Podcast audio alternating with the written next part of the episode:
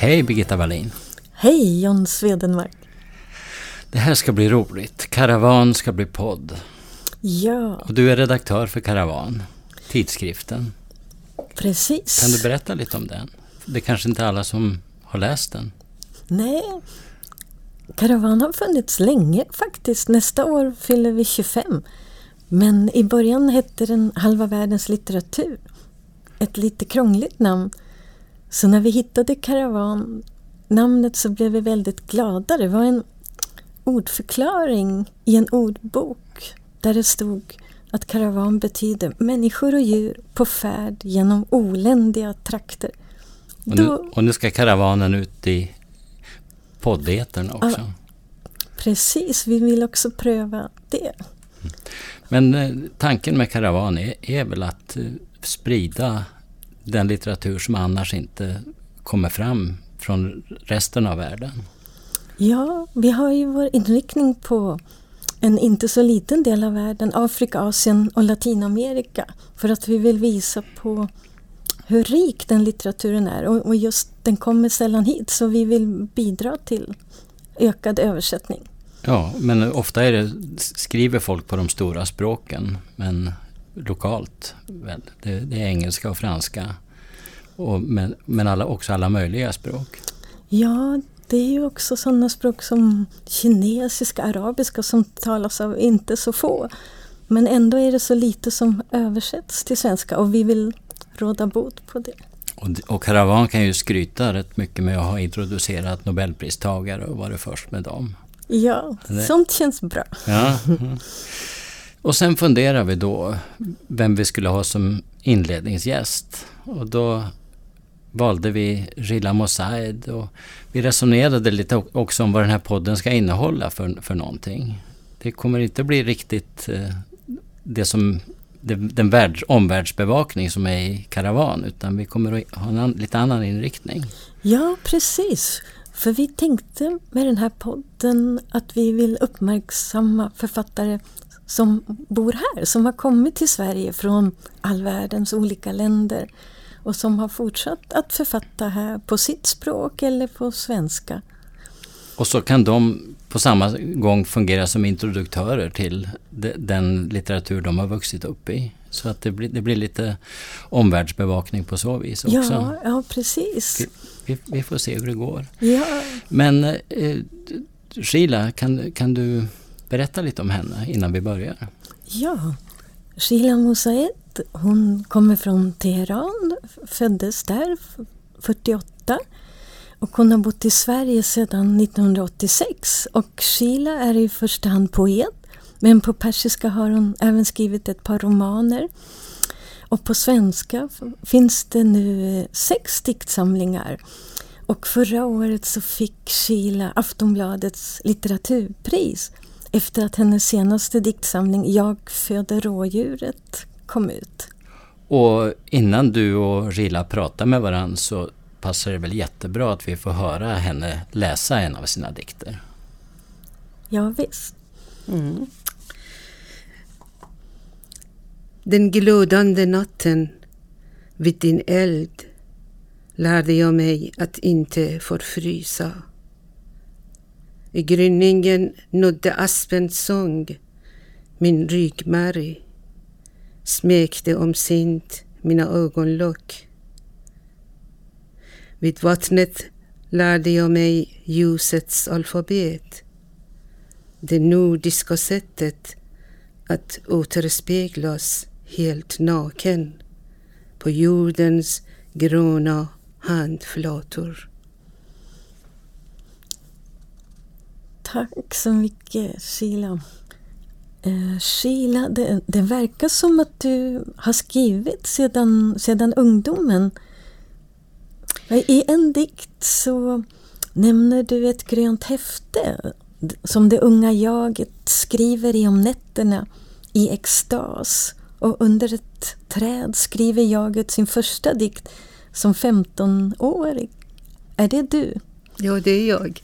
Jag Mm. började väldigt tidigt att eh, skriva poesi. Och eh, det var så att min pappa skrev dikter, klassiska gazeller och vi hörde mycket dikter och våra leksaker var böcker faktiskt. Mhm. Hafiz, Rumi och inte så modern, eh, modern poesi. Eh, och jag kommer ihåg jag köpte en, en, en häfte som var grönt, väldigt våraktig och vackert grönt. Jag kommer ihåg det. Och det var mitt rum för att gå in och, och eh, uttrycka mig och skriva fragment och skriva lite text och så här. Och det var inte i början eh, poesi. Jag visste inte om Nej. jag skriver poesi.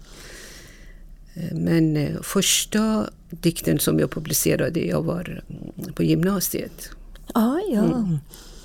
Var det som en slags dagbok, det som du skrev? Eller? Nej, det var poesi. Sen, Ja, ja. sen jag började skriva modern poesi. Trots att hela tiden hemma hos oss det var poesi med rim, Rumi och Hafiz och de andra. Ja. Men jag började med, med modern poesi. Jag tyckte det räcker inte för mig. Med, jag tyckte inte om att skriva med, med rim. Nej, nej. Så min pappa tyckte inte om det. I början läste inte mina dikter. Han läste inte dina nej, dikt- tyckte att det var inte det. De var inte riktigt poesi. Det ska vara rim, tyckte Just han. det, ja. Men sen efter några år, han tyckte det var okej. ja. Ja, nu när jag har läst dina dikter, de tre senaste samlingarna. Jag kan läsa upp titlarna, det är så fina titlar också på dem. Ehm, Varje natt kysser jag markens fötter, som den första dikten du läste är hämtad ur. Och nästa samling heter Ett ljud som bara jag kan. Och den senaste, Jag föder rådjuret. Mm. Och de här frågorna som jag har nu, de, de kommer ur läsningen av de här diktsamlingarna. Och jag tänkte på att i dina dikter så, så finns världen där tydligt. Världen förankras genom små men viktiga detaljer. Det är en dikt så eh, är det en punkt, eh, en dikt om en punkt och där är det en handväska som spelar en viss roll. Jag tänkte bara läsa ett par rader ur, ur den. Letar efter den mörka punkten. En okänd men ändå känd punkt som alltid kommer och sätter sig bredvid sista ordet. Var har jag tappat den? Låg den gömd i handväskan när jag tog bussen och lämnade landet bakom mig? Och den här dikten, jag tycker den är, den är helt hisnande för den går från det lilla, från en punkt och handväska till att ha lämnat landet. Så, kan, kan du säga något om vad den där punkten, vad den Mm. innebär för dig? Jag tror att jag, när jag lämnade landet, det var så hastigt och jag, det är sant att jag bara vände mig, tittade på huset, på huset och eh, hade en handväska. Och den här punkten tror jag att det är jaget, jag, jag fanns inte med. Eftersom det var kriget, det var fundamentalismen och det var smugglare och det var världen som skulle placera om mig geografiskt och jag skulle vara någon annanstans i världen och jag vet, visste inte var. Så jag tror att det var min... Jag kände mig så vilse och jag tänkte att den här punkten, det är jag. Jag måste hitta den, det är målet, det är jag. Det, eh, det måste vara med i min handväska när jag lämnar landet. Ja, Och- och- det var något som jag var, letade efter det. något som var förlorat som du försökte få fatt i? Eller? Ja, nej, jag, jag, jag kände att jag fanns inte längre. Nej. Eftersom jag kom precis med min diktsamling innan jag lämnade landet. Jag ville gärna att det ska någonting vara kvar efter mig. Så det var en stor steg.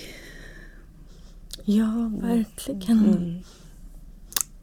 På svenska, sen har du ju skrivit väldigt mycket om exil. Att leva i exil. Ser du det som ditt ämne, eller? Inte faktiskt. Jag är lite vad ska man säga? Jag kan kritisera att eh, jag kallas för exilförfattare. Mm, jag tycker att jag känner mig oerhört främmande i Iran också. Ja. Och eh, vi, vi alla tror jag att vi lever i exil på det blodiga klotet. Så eh, när jag pratar om, om orättvisan, om kärleken, om sorgen, det är någonting globalt. Mm, mm. Det handlar inte om att, att, att jag befinner mig i exilen. Självklart, jag har valt att, att eh, lämna landet och bara leva i exil. Och det har sina fördelar också.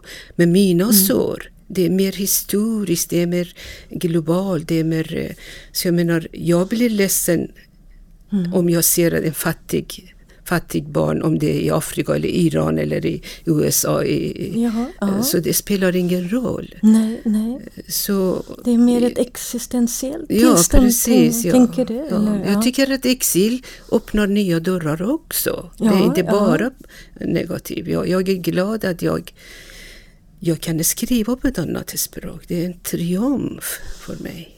ja, Eftersom jag kom till Sverige när jag var redan 38 år. det är ju helt fantastiskt att, att du har erövrat ett, ett nytt språk på det, på det viset. Och det handlar också mycket om, om att vara utan språk i dina dikter. I alla fall som jag läser det, att när du har kommit till det nya landet det, på ett ställe så skriver du att i det här nya landet, är fåglarna är också utan namn. Näktergalarna är tysta i mig, de som hade sina bon på versraderna. Och, och så skriver du på ett annat ställe, alltså, sakta har jag lärt mig världens underligaste språk, exilens.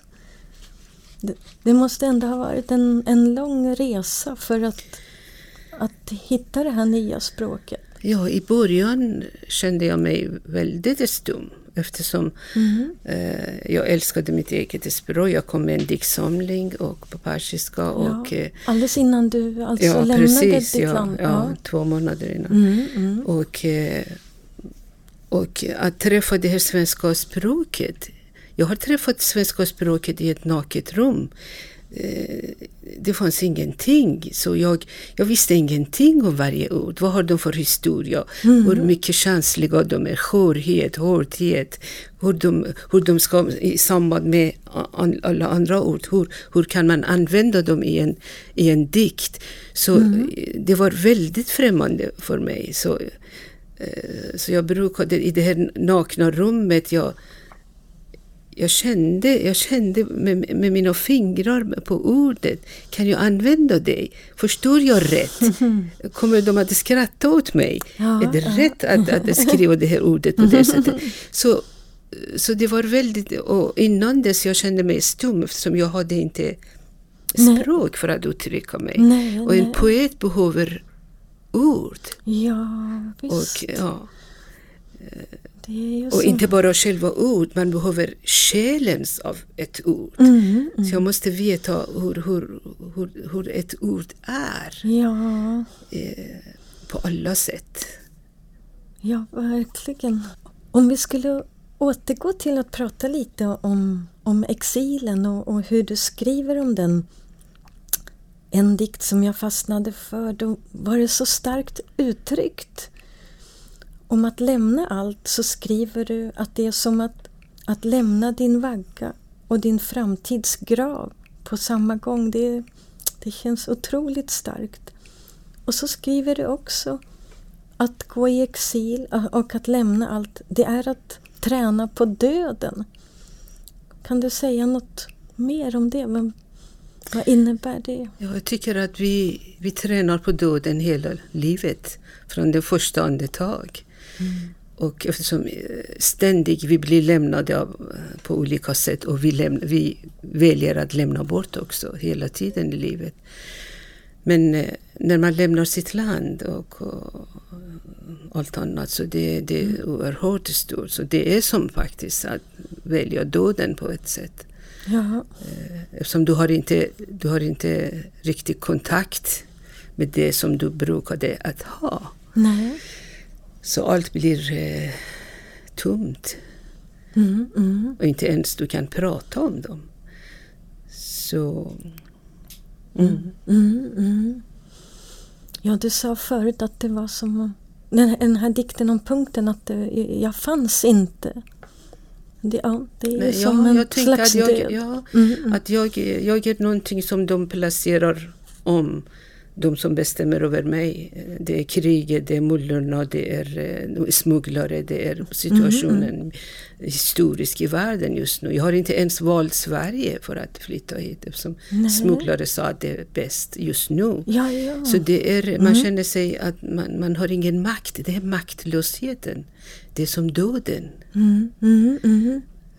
Du har inget språk längre, du har inget röst, ingen röst längre. Så, Mm. Nej, och, och när du lämnade, det var 1986. Det var mitt i kriget. Ja, och vad var det som direkt fick dig att, att ge dig av just då? Ja, jag brukade skriva mm, visor och barnprogram i shahens tid. eh, eh, På radio och ibland på TV. Jag har några band och ka- kassetter som ja, det var med en kvinnlig röst som sjöng. De, så, de blev förbjudna. Och sen eh, min son var 15 år och det var mitt i kriget och det var så att de eh, ja, knackade på dörrar och eh, ja, tog pojkarna till, till krig. Och jag kände mig oerhört... Också 15-åringar? Ja, ja absolut. Så man kände, sig- kände sig väldigt otrygg. Plus att jag tillhörde inte de som röstade på Khomeini. Vi var ute på gatorna på något annat. Mm. Så jag, var, eh, jag accepterade inte den här regimen. Jag accepterar fortfarande inte den här sharia-lagen och de som styr landet. Så, så inte bara som kvinna men som människa. Mm, mm. Så man kände sig, man, man blir trampad av allt. Så det, finns, det, finns, det fanns ingenting som du kunde hoppa att, ha hopp att det ska bli bättre. Nej, nej. Det, det såg så svart ut. Det var krig. Det var, Mm, jag kommer ihåg de ville att jag ska skriva några visor till barn, eh. Eh, TV beställde i, efter revolution. Mhm. Och jag skrev och, och den som skulle sätta, mm, eh, skapa, göra musik, så det gjorde han. Och det var en någon som sjöng och sen vi skulle sitta där och flera män med skägg och med så här. De Ja. tittade inte ens på mig och lyssnade och de sa nej, absolut inte.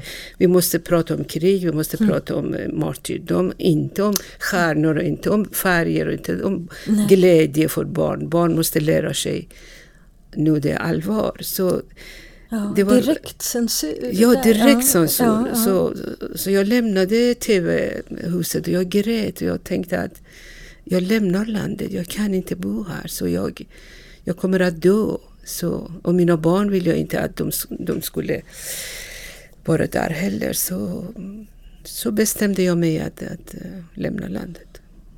Och då kom du med dina barn Ja, med till, två barn. till Ja. Sverige? Ja. Ja. Mm. Mm. ja. Ja, vilken resa. Jag, jag tänker på det här med, med trygga platser. När man läser dina dikter så återkommer köket ofta. Är det som en, en trygg plats för dig, ett centrum? Eller? Inte i Iran faktiskt. När jag hamnade i Hagfors, jag kommer ihåg förra månaden, och jag satte mig och tittade eh, tidigt på morgonen mittemot.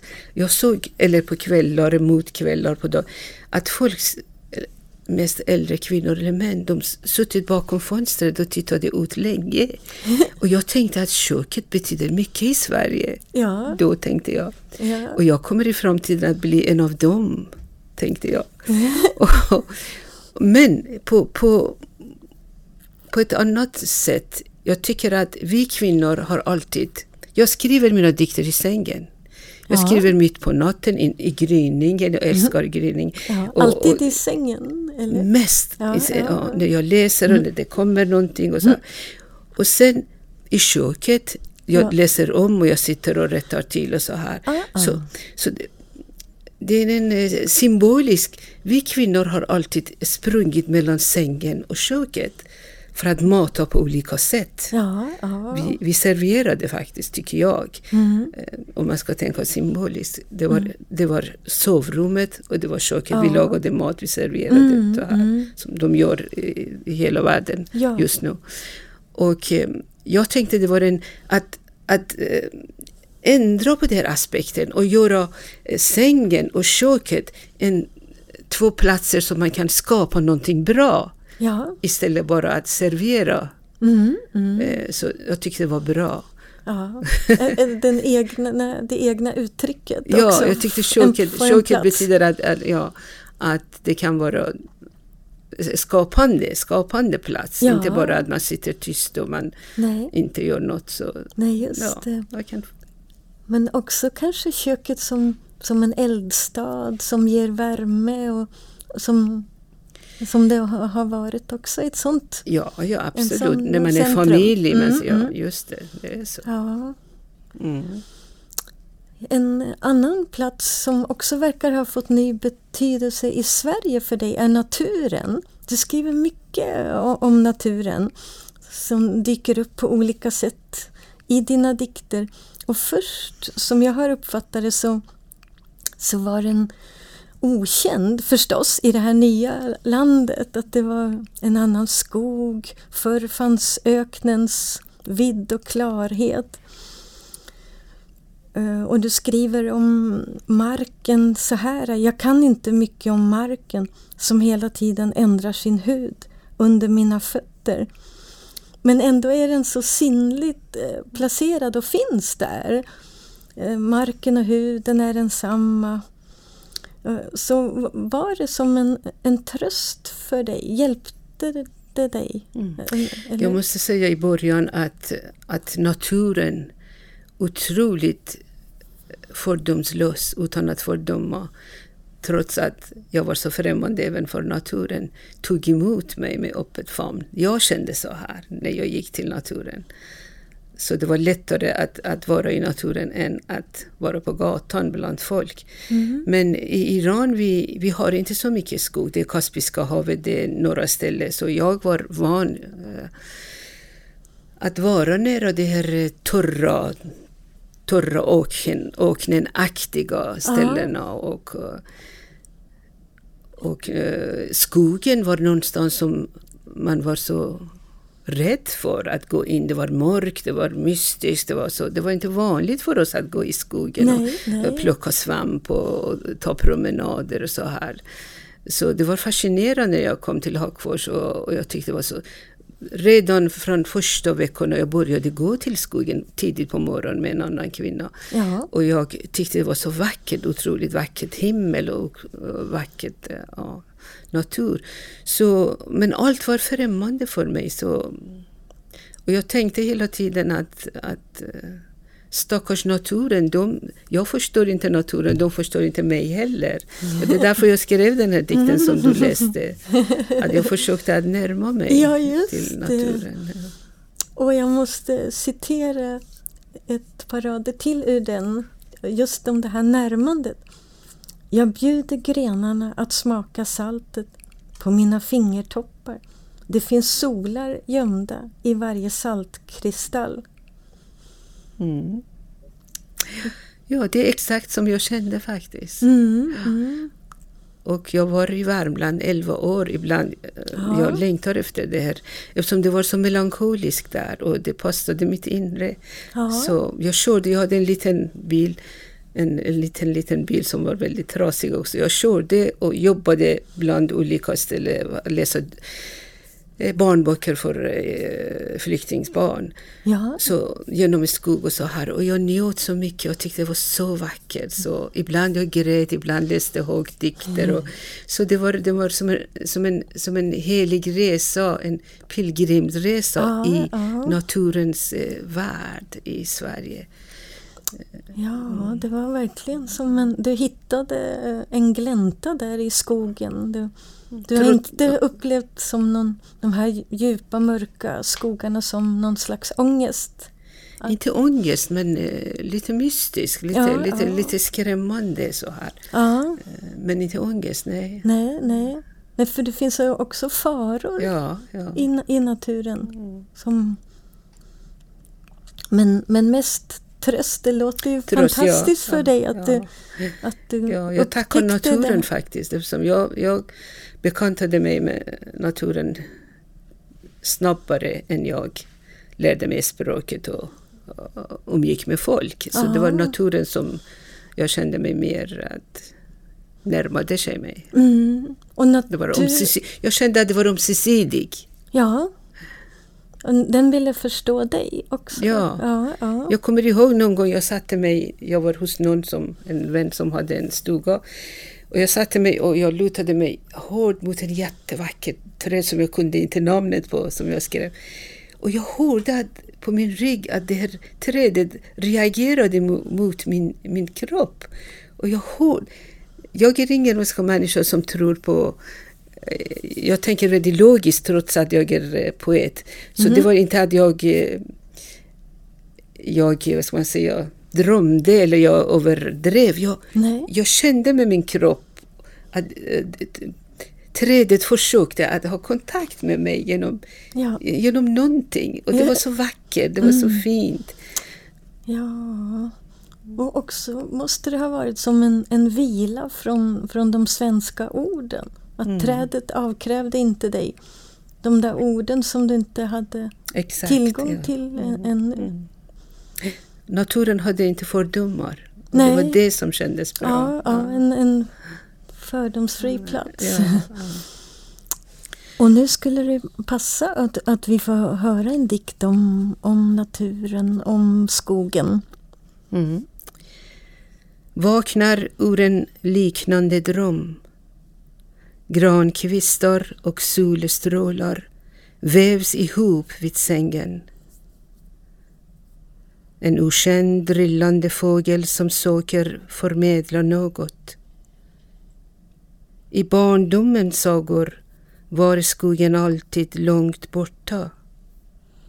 Skuggorna bar mystiska varelser mellan träden. Och den skugglösa öknen utanför fönstret stod för klarhet. Man såg allt. Minsta rörelse syntes på långt håll. En vid och farlig öppenhet. Jag bor nära skogen, mycket nära. Mm, tack. I barndomens sagor var skogarna långt borta, skrev du. Och nu, men nu har du hamnat nära skogen. Mm, mm. Eh, tänkte fortsätta med att prata om eh, en dikt som handlar om, om fadern. eh, Om, och den börjar så här idag dog min far. Och sen fortsätter den så här. Pratade med honom i förrgår. Ni får inte gråta, sa han. Glädje är livets största plikt. Glöm inte det. Jag kom att tänka på ett uttryck, jag tror att det är Bodil Malmsten som hon talade om glädjens jävla plikt. Är det någonting som, som du tycker stämmer? Du som har varit med om så mycket. Du har, berättat om hur du förlorade allt, började om här igen. Det här med glädjen, har du, vad betyder det för dig? Ja, det betyder mycket eftersom det är i fornpersiska mytologi och litteratur som Zarathustra sa att Ahura Mazda skapade glädje eh, först. Och sen glädje i livet var väldigt, väldigt eh, viktigt då, innan islam. Så varje dag man firade på, på något sätt och varje dag hade ett namn. Ja, Och, eh, och det var det som min pappa som var en, en gnostiker, gnostiker som tillhör eh, före islam. De, de älskar glädje, dans, musik och, och de, för dem betyder mycket att man nära sig själv, eh, sin, sitt hjärta och det källan som finns för godhet, för kärleken. ja. Och, eh, så på det sättet glädje, glädje har funnits i vår kultur Mm, som, mm. som så småningom ändrade sig till, till, till det här sörjande kultur som finns nu. Ja. Att gråta mycket är bra och att sörja är bra. Men Mm, eh, eh, jag tror inte på någon religion men jag har läst mycket om Zarathustra när jag kom till Sverige faktiskt. Jag ville Ja. veta varför är jag här? Jag måste veta om mitt lands historia lite bättre eftersom vi har inte lärt oss på rätt Mm. sätt eh, i shahens tid. Det är så när, när, när folk dog då, för Ja. 3000 år sedan, de hade vita klänningar, kläder på sig och de dansade och drack vin och, och var glada. De grät inte. Nej. De var glada att någon lämnar landet, Mm, mm, eh, livet och eh, fortsätter. mm, mm. Så på det sättet glädje, jag tycker i, i, i om jag tittar eh, i mitt inre, i min mytologiska jag, Ja. glädje finns i mig. Jag är en människa som är lite melankoli, melankolisk. Mm. Men jag har stor, stor, vad ska man säga, eh, kapacitet för skratt. Ja. Jag skrattar gott och jag älskar glädje, jag älskar musik men men jag måste säga Mm. det här melankoli som, som, som skapade i min själ, det har, det har kommit kanske senaste 1500 åren i, i, i mitt historiska jag. Ja, ja. Ja, ja det är en, ett Så jag har, långt tidsspann. Ja, ja, men jag mm. har både och i mig. Jag har, Mm, jag har mycket sorgsna Ja. dikter men, men jag ja. älskar glädje. Ja. Och glädje, kärlek, dans, musik, det, Mm. det är viktigt. Är det som någon eh, kraft för dig i, i ditt dagliga liv? Absolut, absolut. Mm, Jag vaknar med musik. ja. Ja, det är, Mm. jag tycker det är så vackert. Ja. Ja. Det som är förbjudet. Du skriver i din senaste bok, eh, Jag föder rådjuret, så finns det som en slags eh, uppmaning till att berätta. Eh, Det handlar om någon nödvändighet i, att få berätta och också i att någon lyssnar. Jag vill bli förhörd, står det till och med. Förhör mig. Mm. Vad, Ja, jag Ja. tycker att eh, allt som händer det är så grymt i världen just nu på alla Mm. sätt. Och jag tycker att, eh, att bli förhörd det är att man, man står mitt emot sig själv och, och svarar på frågor på det som man har inte gjort med, med tystnad och det som man har gjort, handlingar. Och eh, det är som, som en förstoringglas för att se vad har jag gjort i mitt liv och står för det och försvara det och berätta varför jag gjorde det eller tänka och analysera. Så jag tycker det, det, det, jag tyckte det var viktigt med förhöret.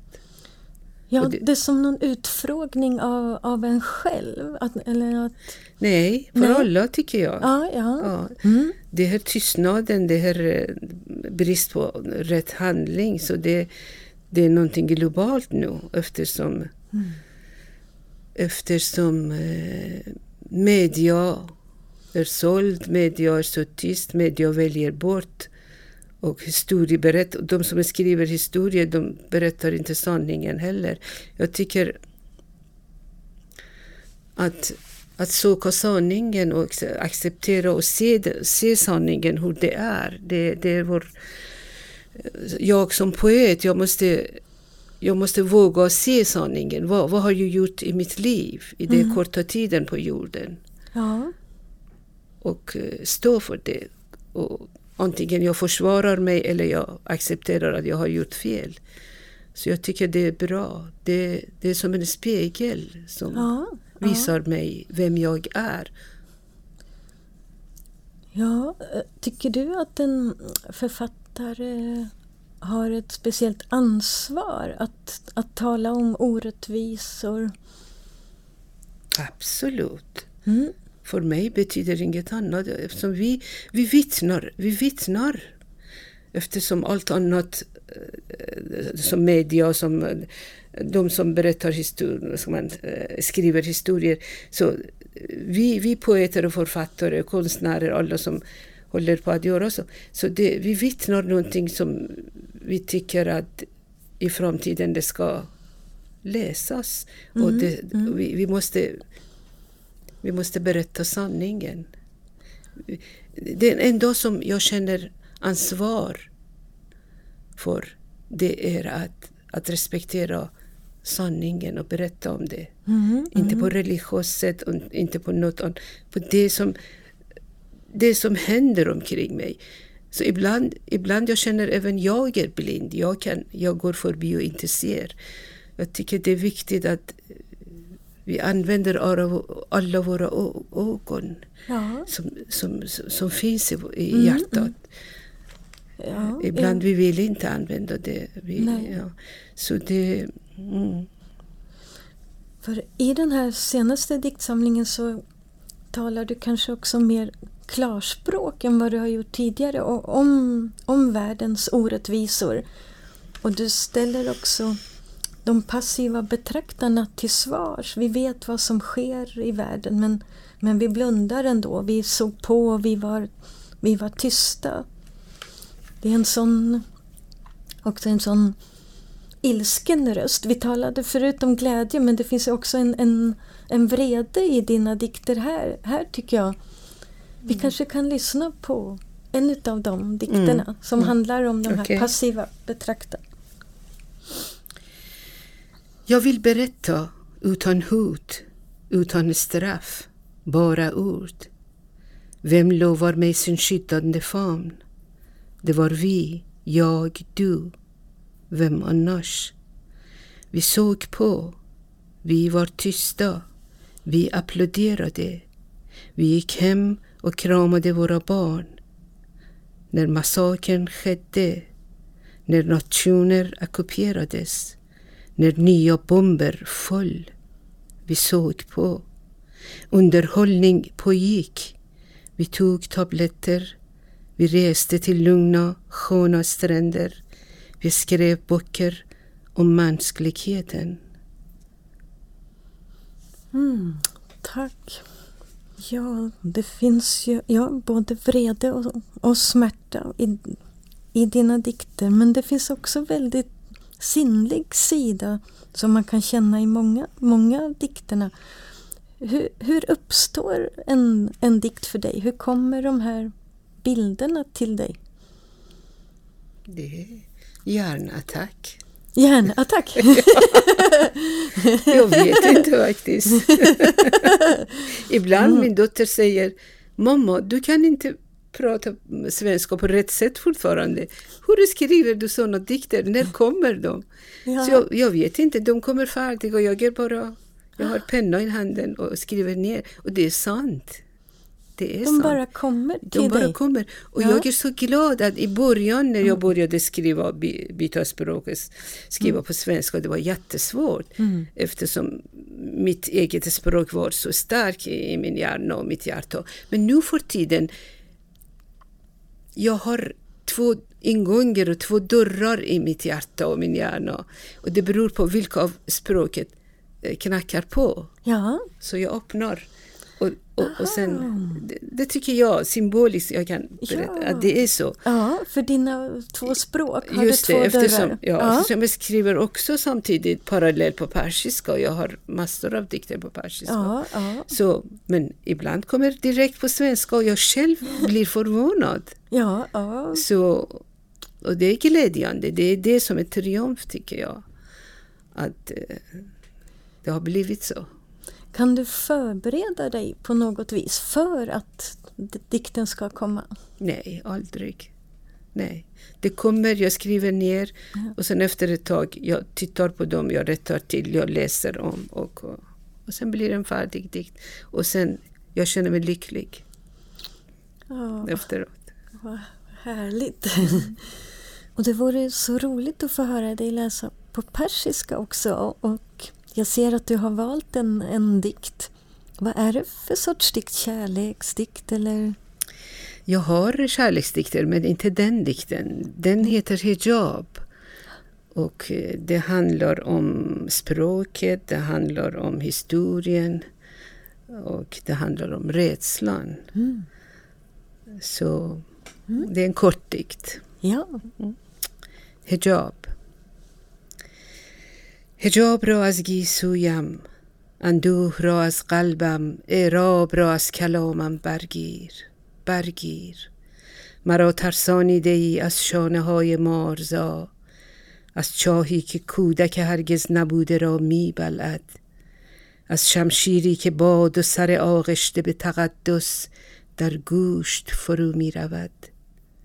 مرا ترسانیده ای از آتشی که تن پسین مرا می سوزاند اما آتش را ندیدی. آتش مرا که هیچ چیز مگر دروغ را می سوزاند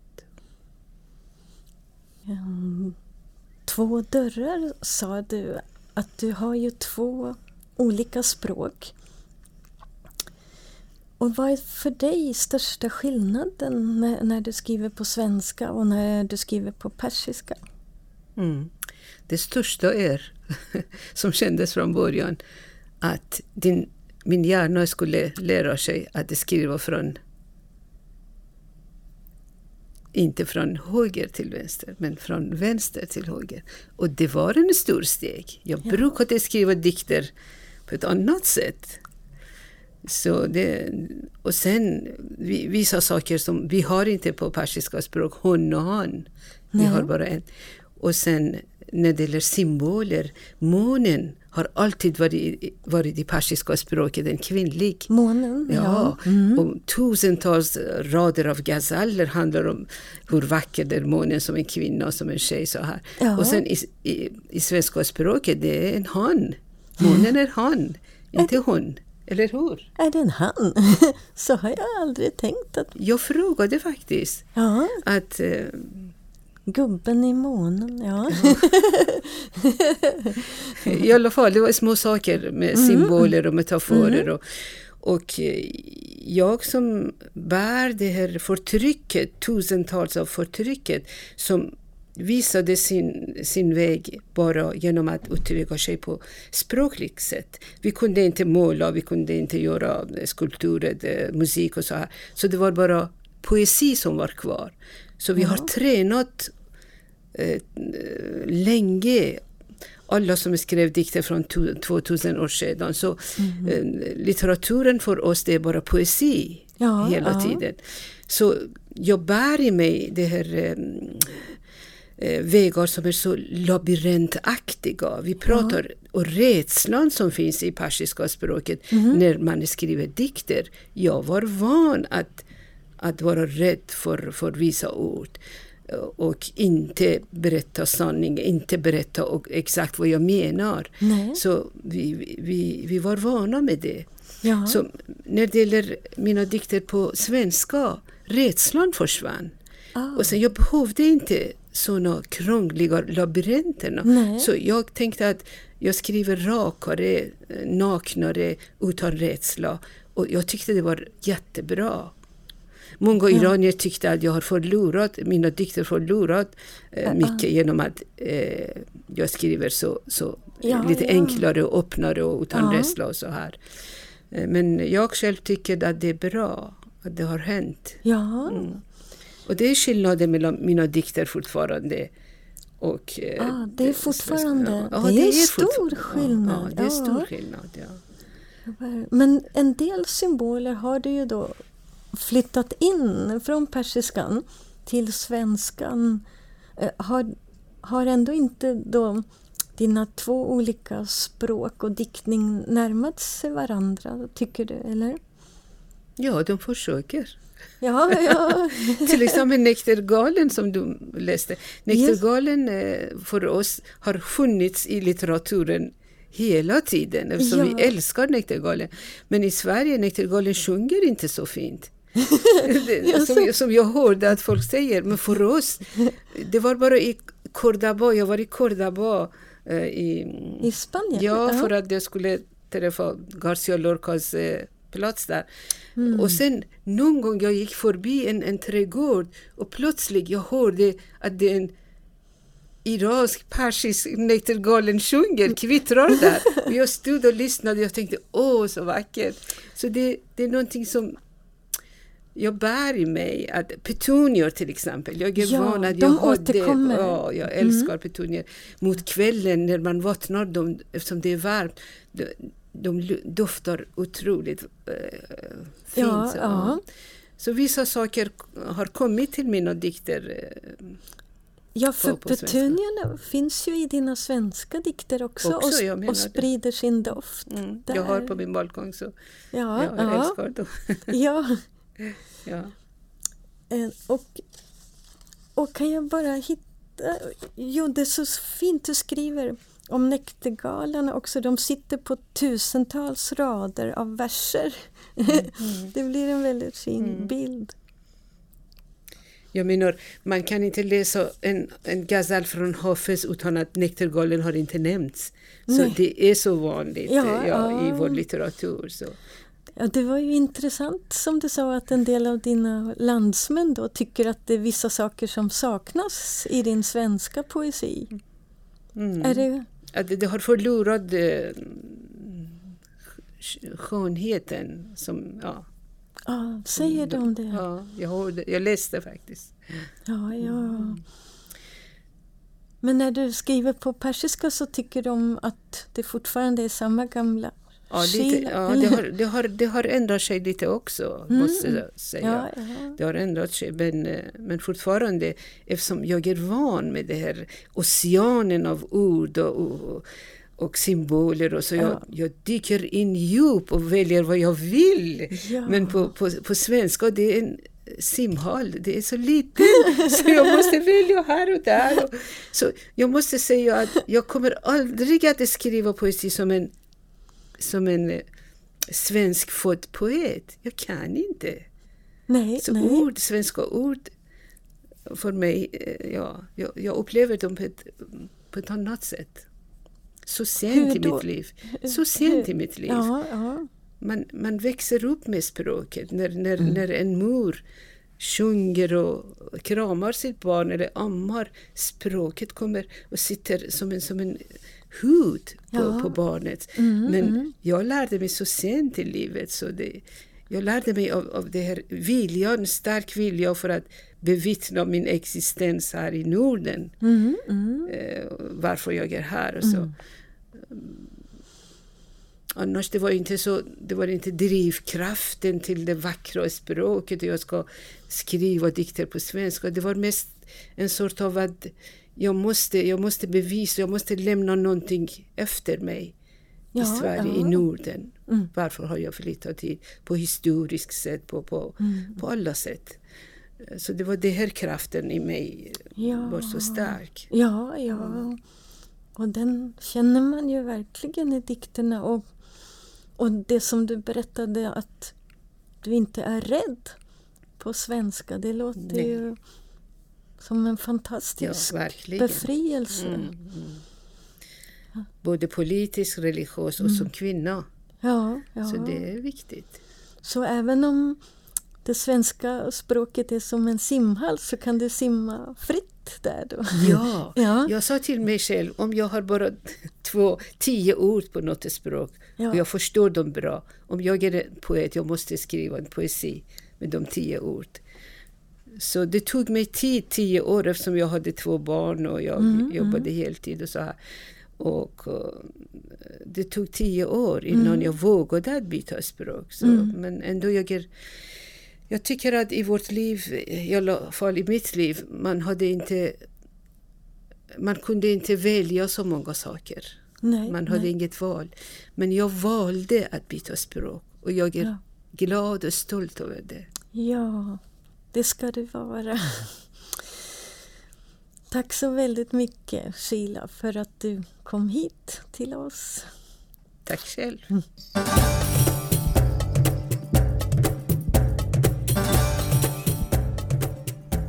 Ja, Birgitta, jag har suttit och lyssnat på er i soffan här i studion och verkligen varit bedårad av ert samtal om simhallar och näktergalar och, och om, om meningen med, med poesin och döden och allt som är viktigt. Och sen har jag också suttit och njutit som översättare av allt bra ni sa om att skriva på två språk. Mhm. Det är ju fantastiskt med Rila att hon översätter ju inte sig själv. Utan det, det, det, det har jag hört henne säga någon annan gång. Ja, Och jag, har, jag, jag, frågade, jag ställde samma fråga till en kinesisk poet som jag känner som skriver både på kinesiska och svenska. Och han sa så här att nej, jag översätter inte mig själv. Om jag översatte mina kinesiska dikter skulle, är det som att förvandla kinesisk kokkonst till fyra små rätter. och, eh, men eh, så att eh, jag, jag känner att eh, ni sa väldigt mycket om olikheten mellan språken. Det enda jag saknar lite grann är att jag skulle vilja höra mer om den här persiska traditionen. Det, att Ru- Rumi och Hafez ko, kommer, ko, Ja. kommer till oss via... via precis. För det han vi inte riktigt komma in på nu. Så, så det skulle ju vara fint att och kanske göra en annan podd. Ja, men jag, jag kommer gärna tillbaka. Jag, jag, Ekelöf som är specialist på, han, han var ju också väldigt inne på det här. Ja, Det finns jättemycket roliga saker. man- man- Ekelöf Ja, och ja, och Sheila. Det kan jag lova sit, I- på sittande stol. Liksom. Ja. Det jag kommer. Då får Karavanpodden återkomma med, med ett Rumi-spår. Ja, vad roligt. Mm. Då, då säger vi... Ett, då får jag som lyssnare, första lyssnare bara tacka er så jättemycket. Tack själv.